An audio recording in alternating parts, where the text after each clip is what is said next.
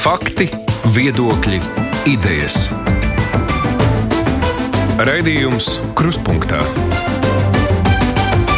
ar izpratni par būtisko. Aizsmeļamies Tamsons šeit studijā, kā jau iepriekš reklamēts. Šodien kruspunktā mums būs iespēja izveicāt satiksmes ministru Tāls Linkaits šeit studijā. Labdien! Labdien! Reiz nedēļā mēs piedāvājam klausītājiem, žurnālistiem tiešraidē gandrīz stundas garumā izveicāt kādu no amatpersonām. Mēs tad, tad šodien runāsim par ceļiem, automašīnām, vilcieniem, avio satiksmi, nu, kas nu, jautājumiem šķitīs svarīgi.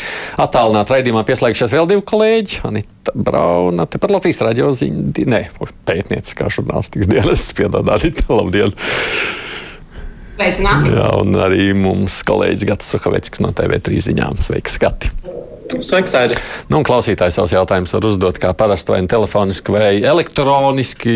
Es zinu, ka mēs varam paspēt tikai dažus no, tāpēc neļaunojieties. Bet, nu, varat mēģināt iezvanīties 6722, 888, un 672, 559, tas attiecas uz raidījuma tiešraidi, kas ir pēc pulksten vieniem. Vēlāk jau tad ir ieraksti, un, protams, arī elektroniski rakstot krustu.ēta Latvijas tāģēlvē vai mājaslapā sūtot savu jautājumu. Es iesākšu ar to pirmo jautājumu, un tad pārējais jau tālāk ir izveicātāja ziņā. Mani paši visvairāk interesē tā epopēja par to veco auto nodokli, kas tā arī netika virzīts tālāk, un līdz ar to nav skaidrs, kas notiks ar dīzeļu vilcienu parku atjaunošanu. Par to pašu principu, kā veco auto vietā pirkt dīzeļu vilcienus, gan politiķi, gan arī komentētāji ir izteikušies kritiski. Bet tajā situācijā, kad pasaule vispār atsakās laikam, no dīzeļu motoriem ekoloģijas dēļ, mēs drīkstam domāt par dīzeļu vilcienu iegādi. Man liekas, vispār šīs divas lietas sasietas kopā ir tā tīra gadījuma rakstura pēc katrs no šiem jautājumiem, gan, gan tas, kā, kāda situācija mums ir vispār ar vilcienu parku, gan arī uh, tas, kāda mums ir situācija ar automašīnām. Tās divas, divas atšķirīgas lietas. Jā, bet nepadomāju sasienot kopā tātad politiski. Nu, ja tā paskatās atpakaļ, tad uh, faktiski tas bija vienīgais variants, ko mūsu finanšu ministri ieteica konkrētajā situācijā. Pat finanšu ministrija tā ieteica. Un, uh, mēs uh, attiecībā par uh, vilcienu parku uh, tādu aktīvu izpēti veicām jau no pagājušā gada beigām, kad uh, pasažieru vilciens izstrādāja savu ilgtermiņa stratēģiju, ko mums vispār darīt ar, ar, ar dīzeļu vilcieniem. Uh, arī veica izpēti, kas ir pieejams tirgu, uh, ko ražo. Uh, kādas ir tās jaunās tehnoloģijas un, un ko mēs varam izdarīt. Un pats tas kritiskākais mums ir septiņi vilcieni ar tā sauktiem zvezdas dzinējiem, kur mēs vairs nevaram saņemt rezerves daļas. Faktiski pēdējais maksājums, ko mēs tur varam veikt, to mums ASV dienas ir atļāvuši, bet turpmāk uz priekšu šos dzinējus mēs dīzeļvilcieniem uzturēt vairāk nevaram. Un uh, astotais vilciens uh, cieta uh, netālu no aizputes uh, ceļu satiksmes negadījumā. Faktiski mums ir astoņi tādi kritiski uh, vilcieni pāri, kas ir vienkārši jānomaina, jo citādāk uh, mums vairāk rezerves sastāvu nav.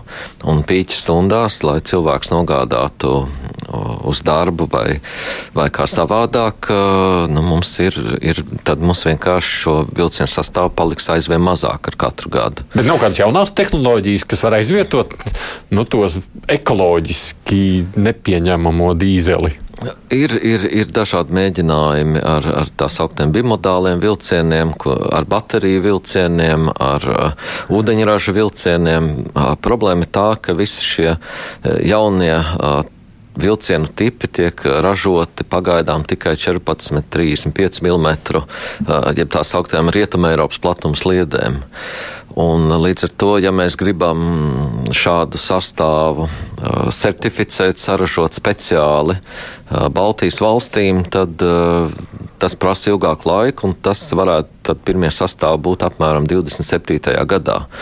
Un mums tā izšķiršanās ir, ko mēs darām līdz tam laikam. Mums ir skaidrība par elektrovilcieniem, tie būs 22. gada maijā, mm. bet tā tad paliek pieci gadi un ir ļoti liels neelektrificētā dzelzceļa tīkls, kur arī mēs tomēr gribētu iedzīvotājiem kvalitatīvāku servisu. Plus no 24. gada nu, jau stājas spēkā Eiropas Savienības prasība par to, lai cilvēki ar kustību traucējumiem varētu izmantot vilcienus. Nu, jūs paši zināt, kāda ir mūsu dīzeļvilcieni. Tur grūti iekāpt ir fiziski spēcīgam cilvēkam, kur nu vēl māmiņām ar bērniem ar, un, un, un, un cilvēkiem ar kustību traucējumiem. Kā, nu, tas jautājums vienkārši tik aktuāls, ka viņš jārisina. Bet kā šobrīd nav skaidrs? Šobrīd tātad pašiem vilciens ir organizējis tādu iepirkumu procedūru pirmo daļu, ir apzinājis piegādātājs, kas var piegādāt ātri līdz 24. gadam līdzīgus vilcienu modeļus, kādi ir jau darbojās Igaunijā un Lietuvā. Ir trīs piegādātāju firmas pieteikušās, ka to var izdarīt. Nu, mēs š, visu šo gadu meklējam dažādā veidā finansējumu, lai šīs, šos vilcienus varētu iegādāties. Bet, kur to naudu atradīs, nav nejausmas.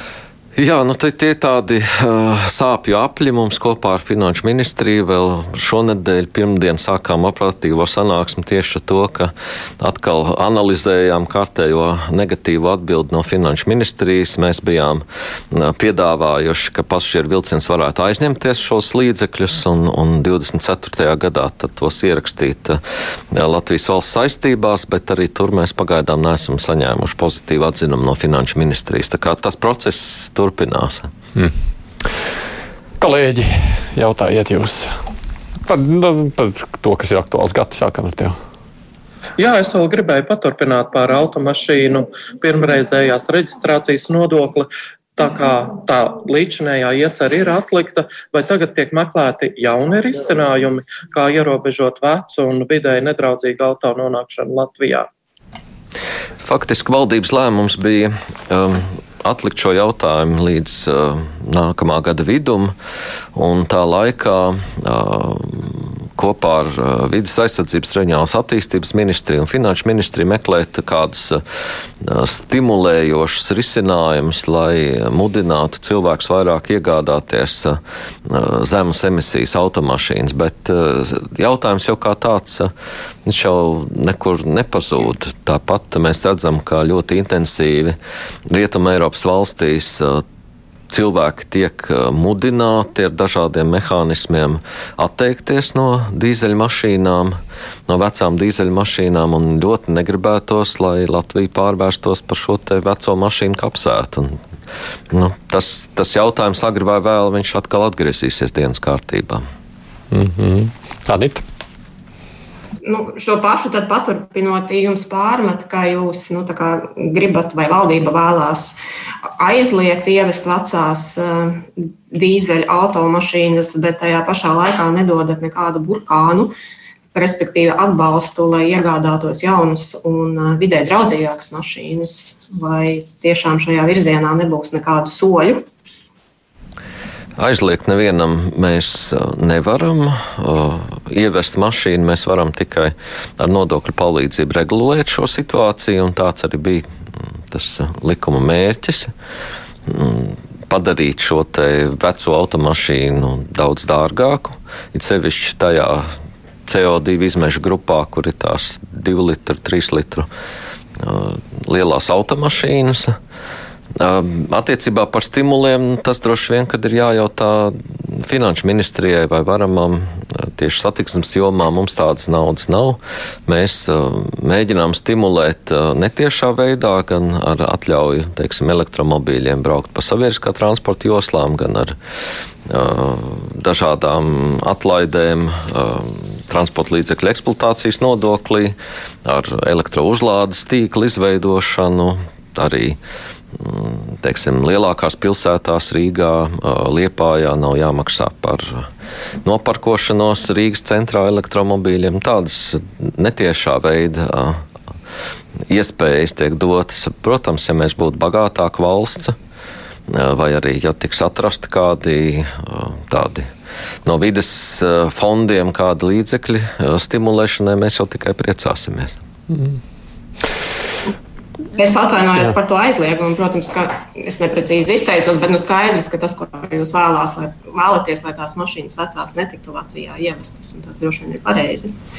Mm. Bet man ir daudz jautājumu par ostām, ja vairs nav par autonodokli, kas varētu ķerties klāt. Jā, mums ir visādi jautājumi, dažādi temati. Sāc ar ostām.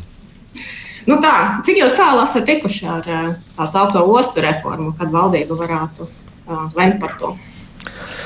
Ostu reformā mēs esam kādus trīs, četrus apļus izgājuši ar, ar likuma projektiem, gan par ostām, gan ar saistītajiem likuma projektiem. Un, jo dziļāk roka, jo, protams, tur gan, gan juristiem, gan, gan citiem iesaistītajiem ir daudz dažādu tehnisku jautājumu, kas faktiski norāda uz vienu, ka tas ostu regulējums, kāds viņš 90. gadu sākumā ir ticis noteikts, viņš vairs neatbilst tai mūsdienu situācijai, ne tiesiskam regulējumam vispār kā, kā uzņēmēja darbība būtu jāveic uh, Latvijas teritorijā, nedz arī mm, par atbildības uh, sadali, par valsts mantas izmantošanu, par administratīvo lēmumu pieņemšanu. Ļoti daudz tādu tie tehniski aspekti, piemēram, šonadēļ atkal tiekās uh, tādas juristu komandas no Tieslietu un satiksmes ministrijas, kas runās par, par ostu maksu noteikšanas jautājumiem.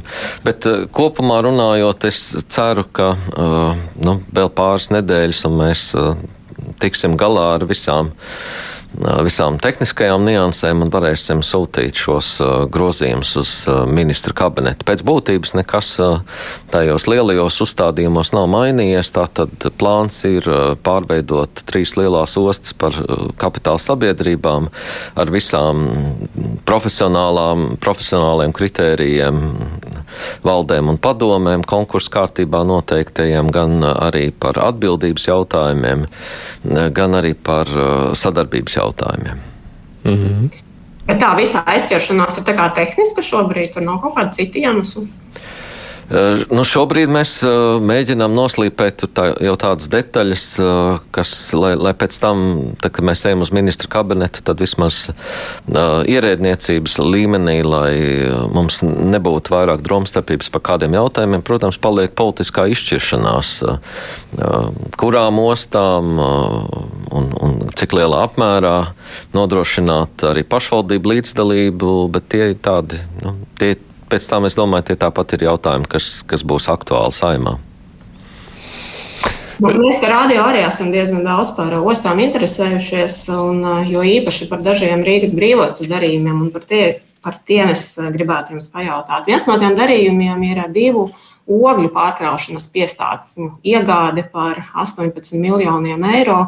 Un tas ir apstākļos, ka citi komersanti savas piestātnes būvē par četreiz mazākām naudām Un, tās ir iegādātas no uzņēmuma, kurā bijušais ostas pārvaldnieks Leonijas Loginovs šobrīd ir algots konsultants.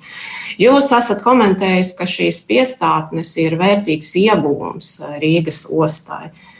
Vai tā būs, nu, arī apstākļos, ka tās šobrīd netiek izmantotas, vai tā būs vienīgā jūsu kā par nozari atbildīgā ministra reakcija uz šo darījumu?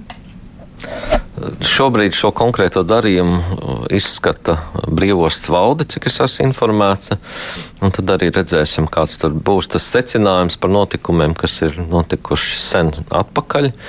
Notikumi, kas saistīti ar Krievijas salas projektu īstenošanu. Un, ja mēs ar tādu laika atkāpi skatāmies uz ideju pārvietot uh, ogļu termināļus uh, no viena krasta uz otru, speciāli uzceļot šiem ogļu termināļiem otrā krastā jaunus, modernus pārkraušanas punktus, tad man šķiet, ka neviens no šī procesa nav bijis ieguvējis. Un, ja vajadzētu atkārtot šo procesu, droši vien tas notiek daudz savādāk. Ja tur ir arī kādi pārkāpumi, tad, tad protams, ka šie pārkāpumi ir jāceļ augšā un, un jānodod uh, tiesību sargājošām institūcijām.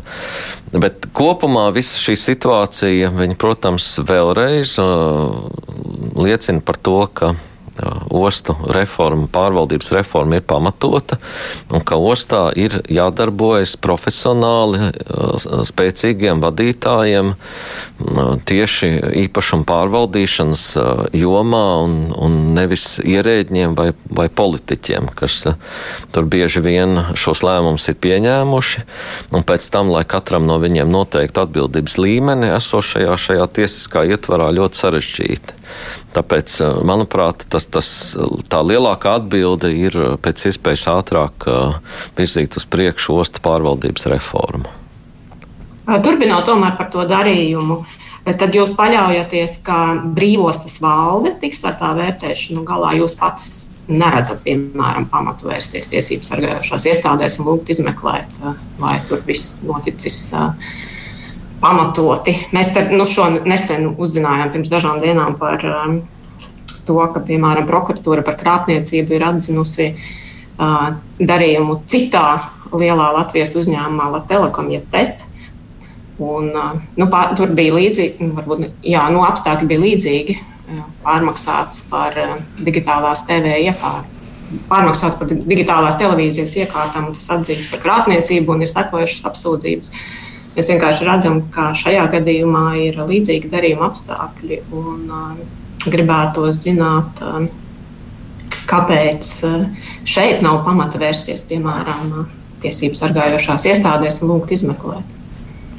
Nu jā, tā tad. Uh kā jau teicu, šobrīd šo jautājumu izskata valde, un, un valde ir pirmā, kas uh, analizē katru konkrēto darījumu un, un, un saskata vai nesaskata kaut kādus pārkāpumus. Uh, attiecīgi, arī tad, kad valde būs izvērtējusi, tad arī redzēsim, kāds tur ir tas, tas saturs. Notikums ir noticis stipri sen, bet, protams, ka, ja tur ir kādi pārkāpumi, tad tie ir jāceļ gaismā.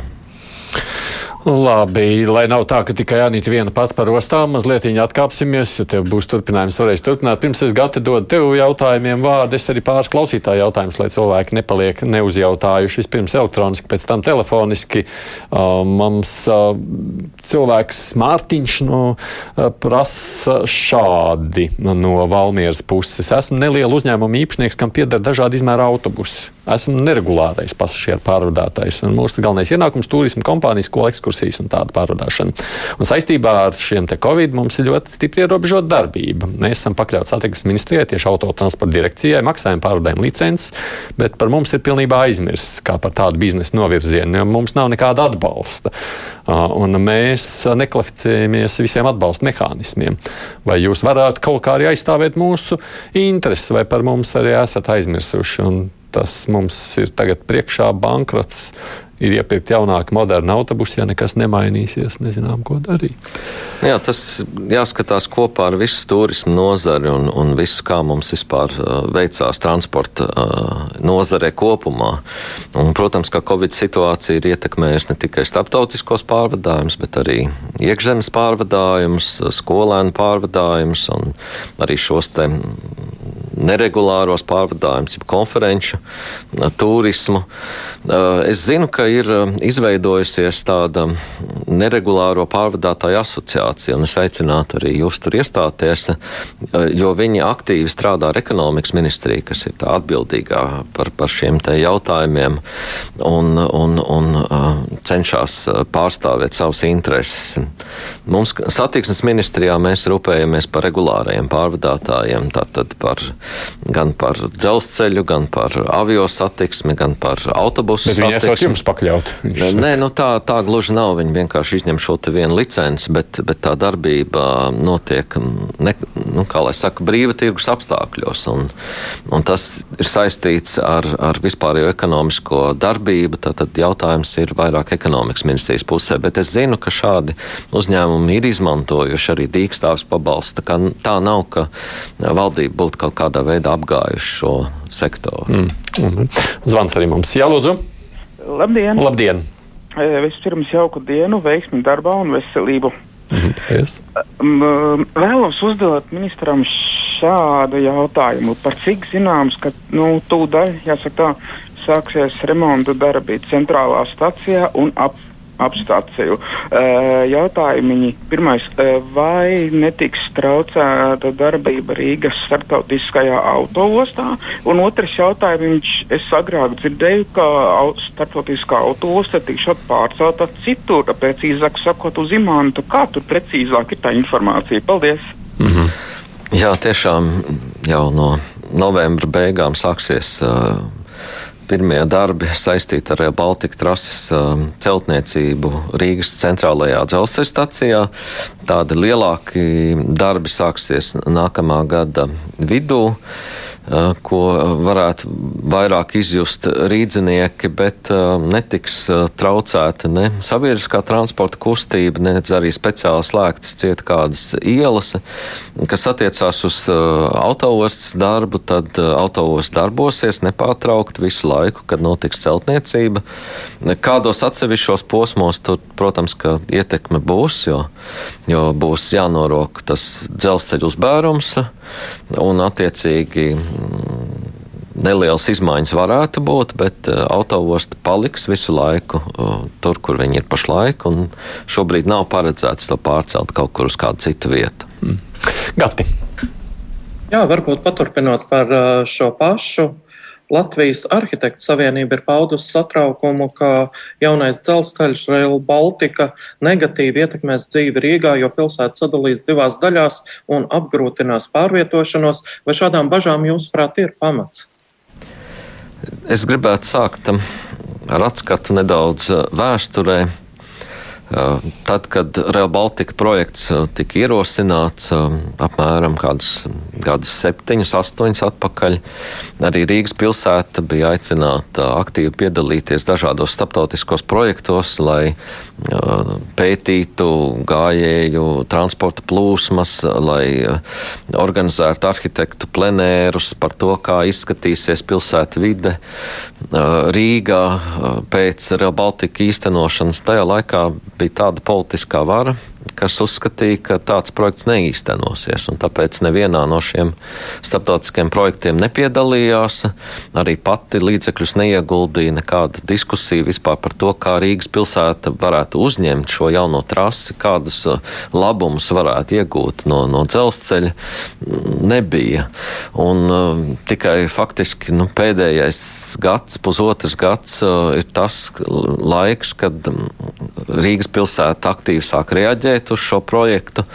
Uh, ir, ir mēģinājums izstrādāt lokālu plānojumu teritorijām ap dzelzceļa sliedēm. Uh, tas, ko mēs no valsts puses varam darīt, varam veicināt šo diskusiju, aicināt Rīgas pilsētu aktīvāk iesaistīties, bet tām idejām, kā, kā telpai ap uh, dzelzceļu būtu jāizskatās, un tām ir jānāk no pilsētas puses. Mēs tur īsti viņu vietā to darbu izdarīt nevaram. Un šobrīd, kad faktiski jau notiek pašas trases, jau tāda detalizēta projektēšana, tādas lielas konceptuālas pārmaiņas, šo trasi bīdīt, kaut kur celt uz augšu vai, vai, vai, vai rakt pazemē, mēs jau vairāk nevaram. Tās diskusijas notika piecus gadus atpakaļ, un, un tajā laikā arī tika pieņemta tāda lēmuma, kādi, kādi ir. Manuprāt, tur tām, tām bažām īsti pamata nav, jo mēs arī tagad uh, projektēšanas fāzē arī analizējam tās gājēju plūsmas, potenciālās velobraucēju plūsmas un, un, un transporta plūsmas. Un, mm, piemēram, Pārdaugavas iecirknī ir paredzēti vairāk kā 20 dažādi šķērsošanas veidi šai dzelzceļa trasei, gan, gan velobraucējiem, gan transportam. Nebūs neviena tāda šķērsojuma, kā, kā ir pašlaik, kur jāgaida uz pārbrauktuvis. Tātad būs tikai divu līmeņu šķērsojumi, kas, kas daudz, daudz ērtāk būs uh, rīdziniekiem. Protams, ka tā ir celtniecības laikā būs zināmas nērtības, bet pēc tam būs jauna un kvalitatīvāka infrastruktūra. Mm. Ir vēl kas papildus par Real Baltica tieši jautājums kolēģiem. Ne?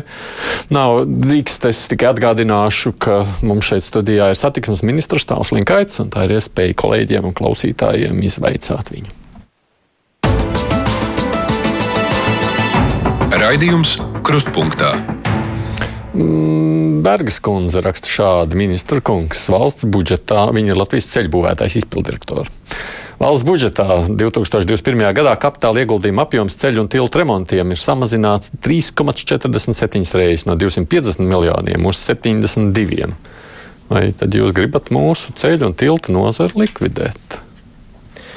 Jā, tieši šobrīd uh, paralēli notiek debats saimā par nākamā gada valsts Budžet, budžetu. Un, un tur kolēģi Ilza Indriksona deputāte arī teica, ka nākamā gada budžets ir cilvēku, jeb, jeb sociālo jautājumu budžets, nevis dzelžu un betona budžets. Un, un tas ļoti precīzi, manuprāt, raksturo to situāciju, kā, kā, kā mēs kā valdība esam to budžetu veidojuši. Tā tad Nākamgad tiek atrisināts mediķu algu jautājums, pedagoģu atalgojuma jautājums, visas atversmes tiesas spriedumi par, par, par šīm sociālajām garantijām. Minimālā alga tiek pacelta uz 500 eiro no 1. janvāra. Tam visam ir vajadzīgi līdzekļi. Un, un mēs no satiksmes nozars šim jautājumam esam ziedojuši 50 miljonus, kas nebūs nākamajā gadā no valsts budžeta paredzēti ceļiem.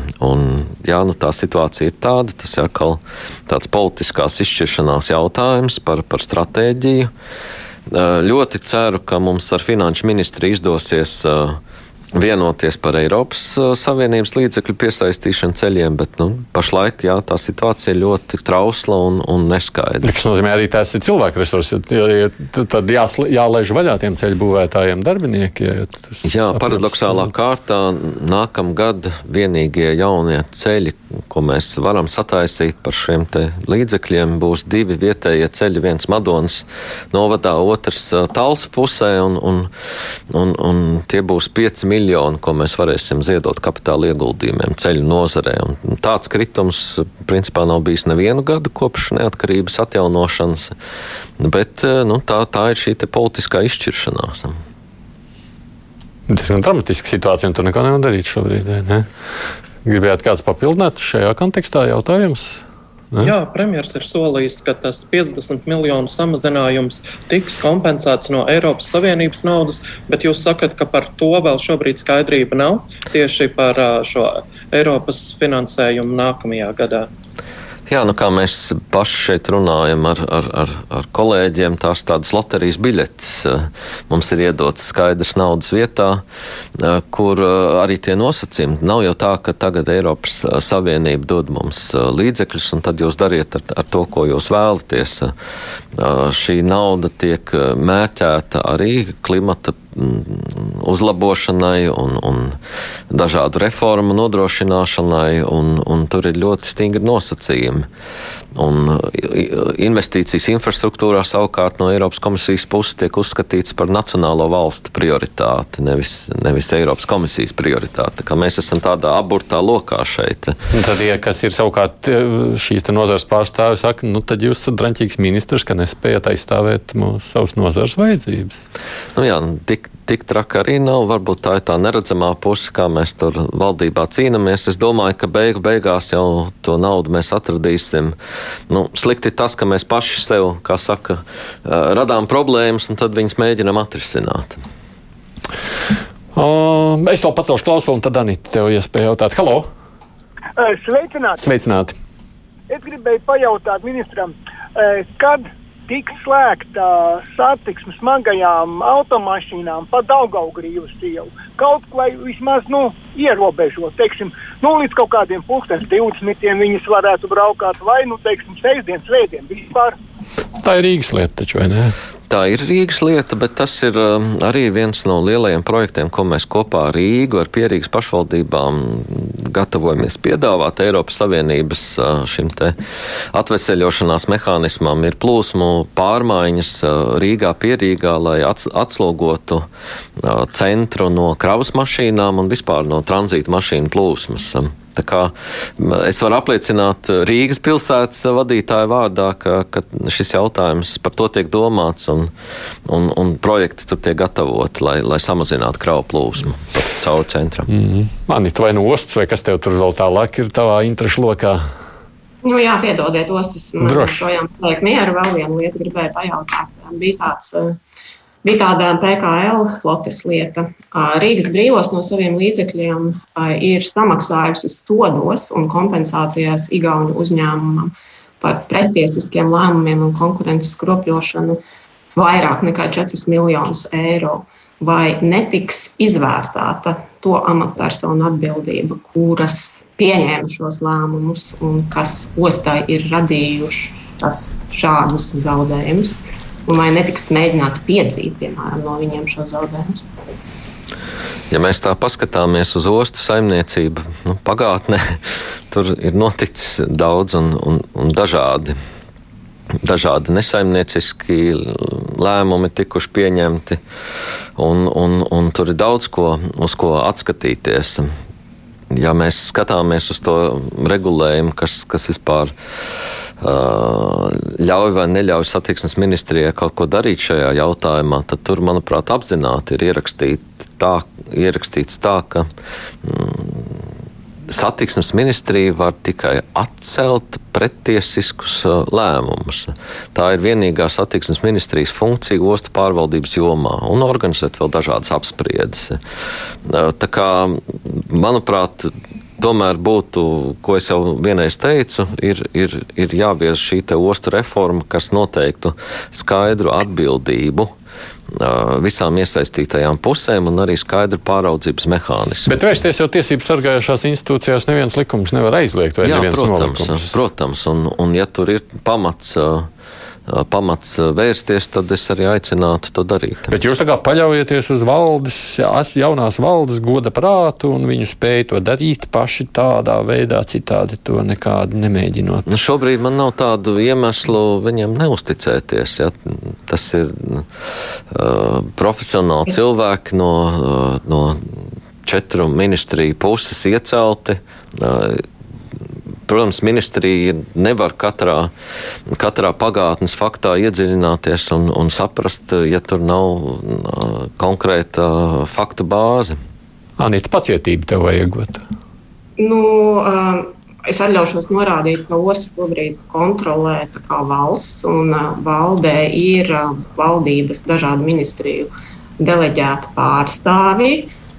Un es arī neesmu dzirdējis, ka tas būtu viņu dienas kārtībā šobrīd šādu jautājumu apspriest. Un tad drusciņi arī sanāk interešu konflikts, jo daži no valdes locekļiem bija arī tajā laikā, kad šie lēmumi tika pieņemti.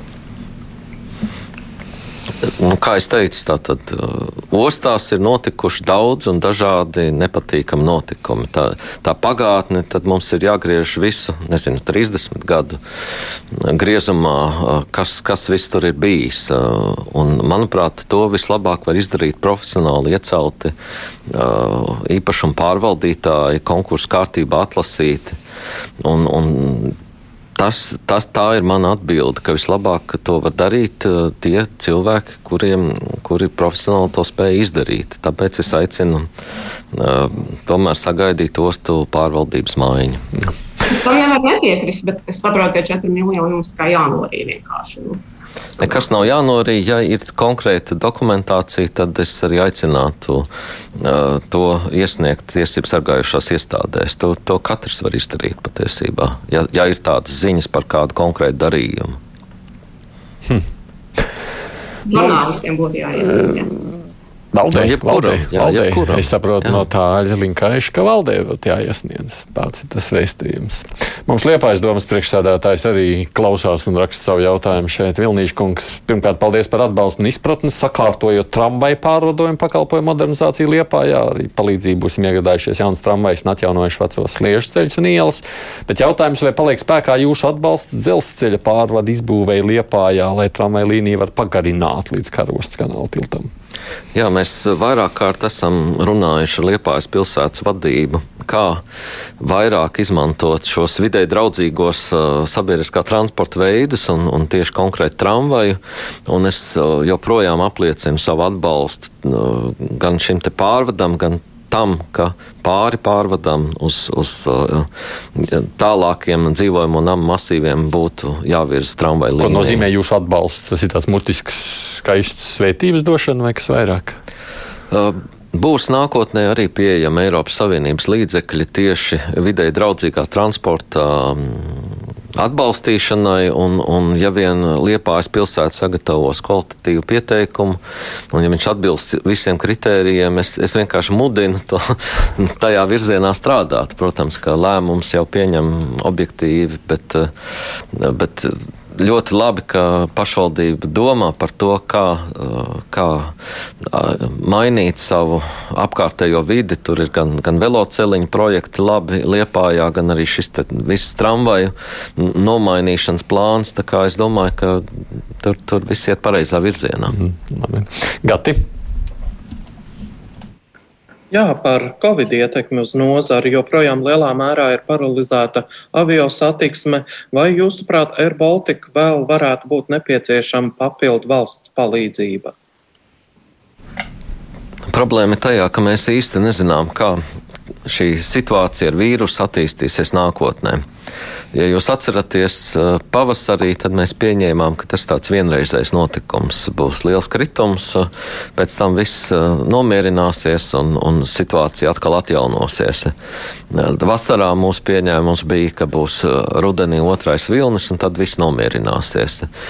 Pašlaik viens no tādiem pamatscenārijiem ir, ka situācija pilnībā var atjaunoties tikai 2024. gadā.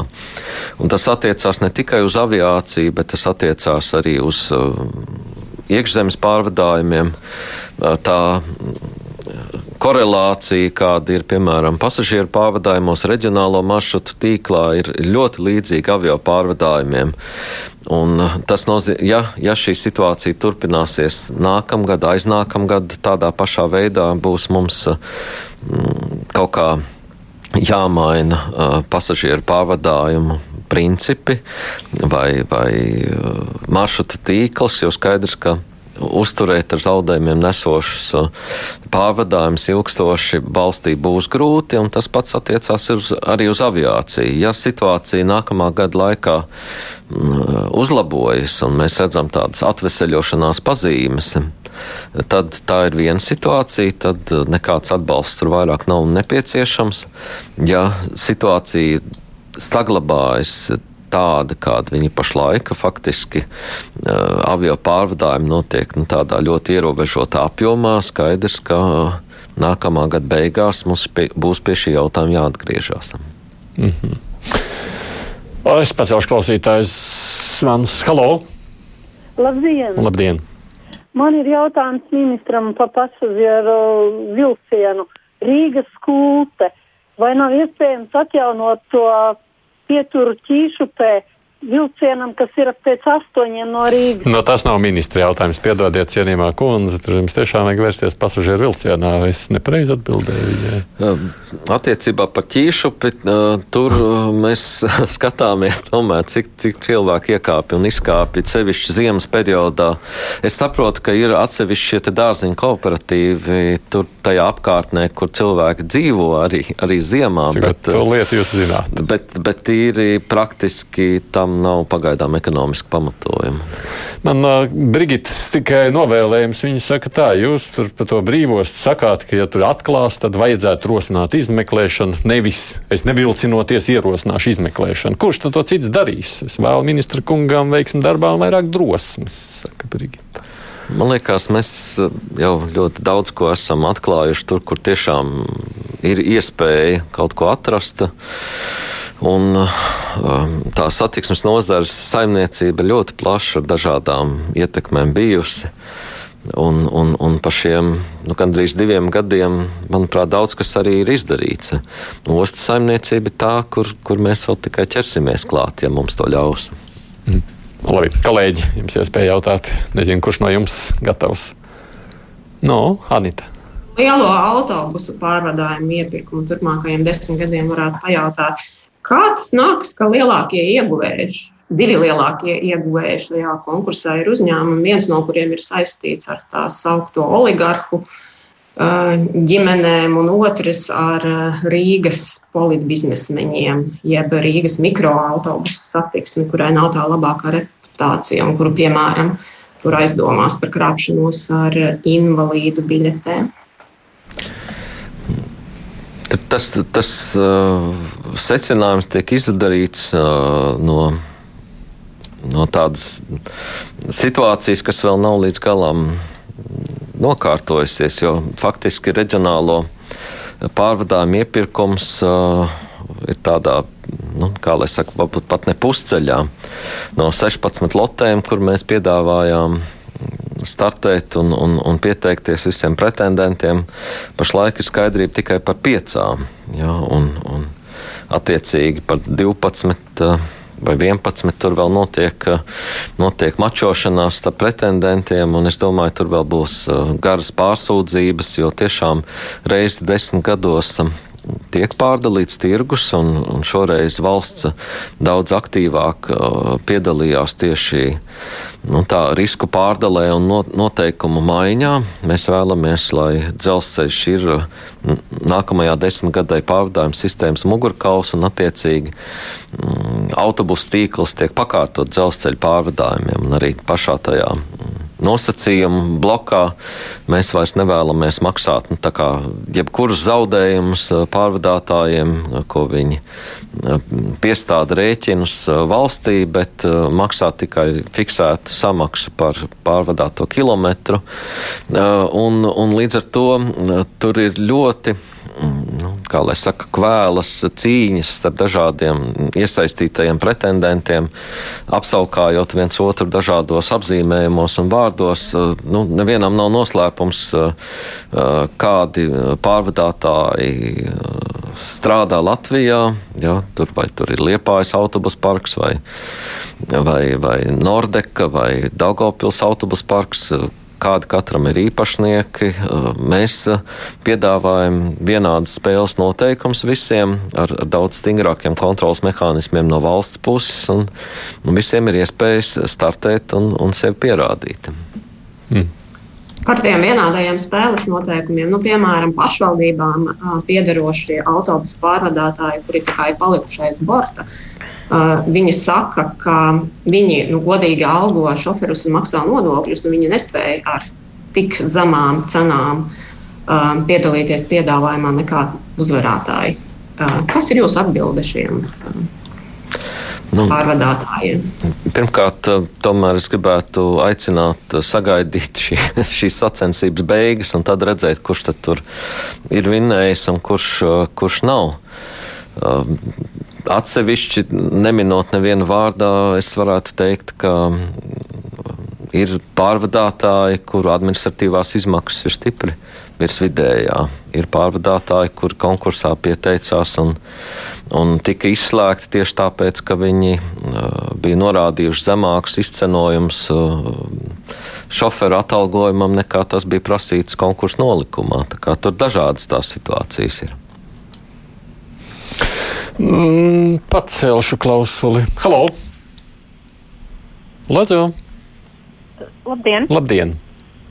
Es varu uzdot uh, jautājumu. Jā, droši jautājiet. Jā. Mhm. Uh, Sveiki, es zinu, ka jūs pieskārāties jau pirms tam uh, par jautājumu par, par peronu pārbūvēm, bet sakarā ar to, ka es saprotu, ka tas jaunais vilcienu iepirkums ir pārcelts, tas nozīmē, ka arī visticamāk tās peronu pārbūves ir pārceltas.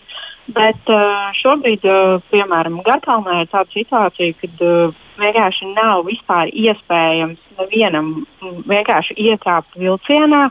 Arī stācijas ēka vispār nedarbojās, un arī vēl par dzelzceļu tām šīm pārbrauktuvēm šķērsotuvēm. Uh, viņas, piemēram, Garkalnē neviena vispār nav pielāgota gājējiem. Un sanāk tā, ka, piemēram, bērni iet uz skolu un vienkārši čērso uh, sliedes, nu, kā nelegāli, kas atkal um, liek domāt par uh, visu šo sliežu kampaņu drošības uh, vispār nepieciešamību, ja nav nodrošināts vienkārši normāls uh, pārējais.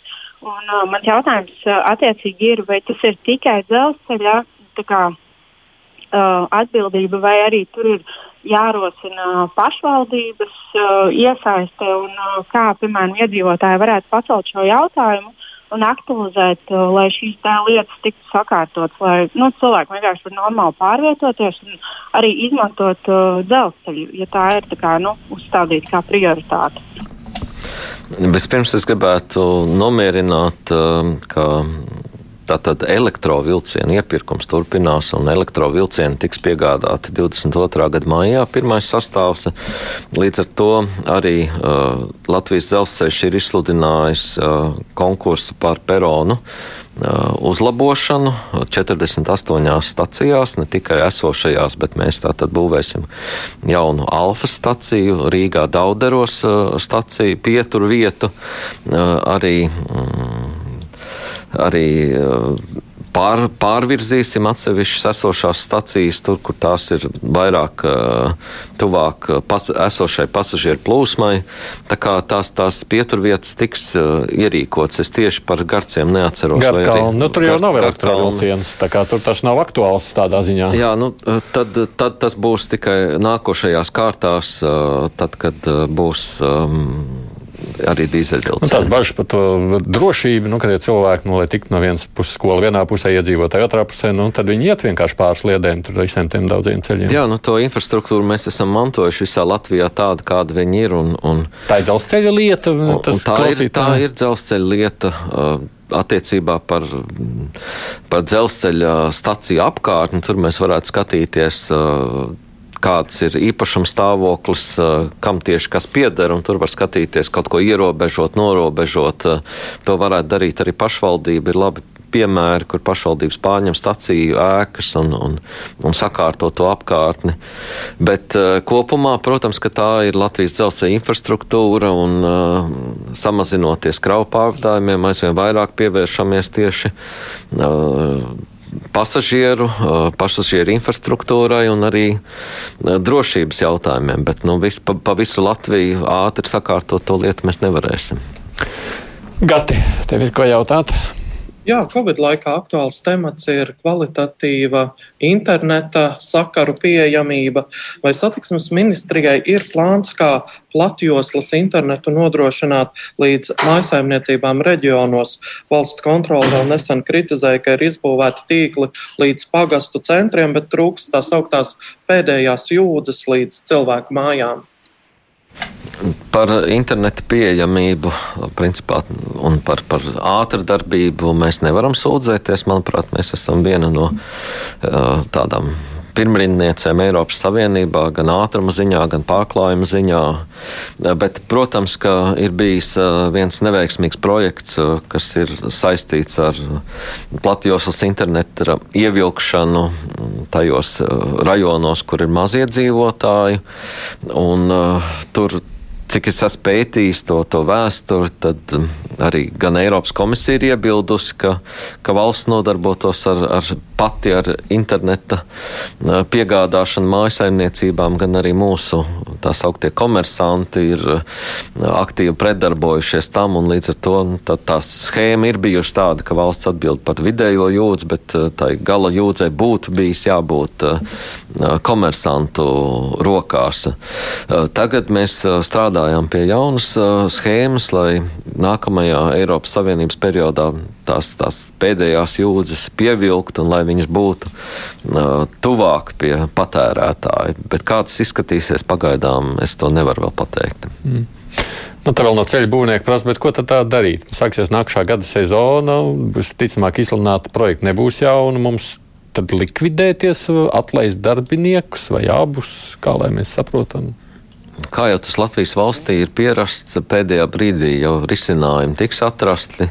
Nu, man arī, eh, es, es esmu ticies gan ar ceļiniekiem, gan ar, ar, ar, ar, ar nozares pārstāvjiem, un tā situācija gadu no gada ir tāda, ka faktiski novembrī, decembrī tiek, tiek plānoti iepirkumi, un, un skaidrs, ka no industrijas puses ir ļoti grūti nu, tā sagatavoties kvalitatīvi, nezinot, kādi apjomi ir gaidāmi, bet nu, tā, tā ir tā situācija, kāda viņi ir. Es no savas puses daru visu iespējamo, lai tomēr ceļiniekiem nākamajā gadā darbs pietiktu. Ir vēl kolēģiem kāds jautājums no jums? Nav klausītājs, pusē vēl skatos, ko cilvēki savukārt prasa. Nu, tagad interesējas par noteiktiem konkrētiem ceļiem. Tas droši vien ir bezjēdzīgs jautājums. Jā, šobrīd prasīt, vai to labosiet, vai to labosiet, te vairāk tādi klausītāju jautājumu. Jā, tos varbūt var uh, iedot uh, mums, un mēs tad varam pēc tam atbildēt. Uh, caur sociālajiem tīkliem vai kā savādāk par konkrētiem ceļu posmiem. Vladimirs savukārt prasa, nu, ja tā pasažieru vilciena joma ir kā tāda, nu, tad varbūt vajag ļaut viņiem būt privātās rokās. Tad nebūs jautājumu par to, drīkst vai nedrīkst, un kas tur attiecās uz korupciju un naudas izsaimniekošanu. Nebūs aktuāli.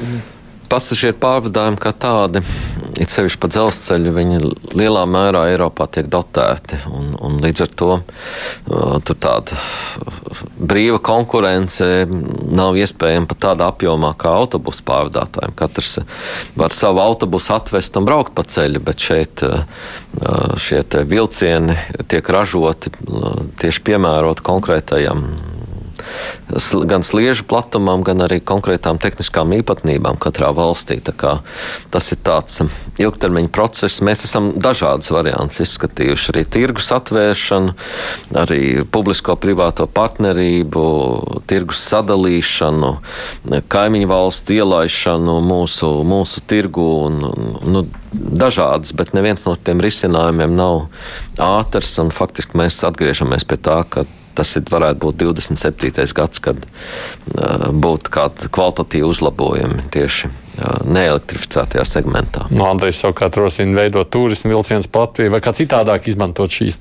vilcienu izmantošanas pasažieru jomā Latvijā? Nē, nu tādi atsevišķi pasākumi jau notiek. Tur, teiksim, braukšana pretī gulbens bānītim un, un arī uh, manuprāt, braukšana, skatīties Siguldu, Aglonas svētki, un, un ir daudz tādu liepājas virzienā, ir liepājas koncerti, kur, kur tiek nozīmēti papildus vilcieni. Bet par to jau mēs tā nopelnīt īsti nevaram. Paldies! Mums ir jābeidz šīs dienas mūsu saruna.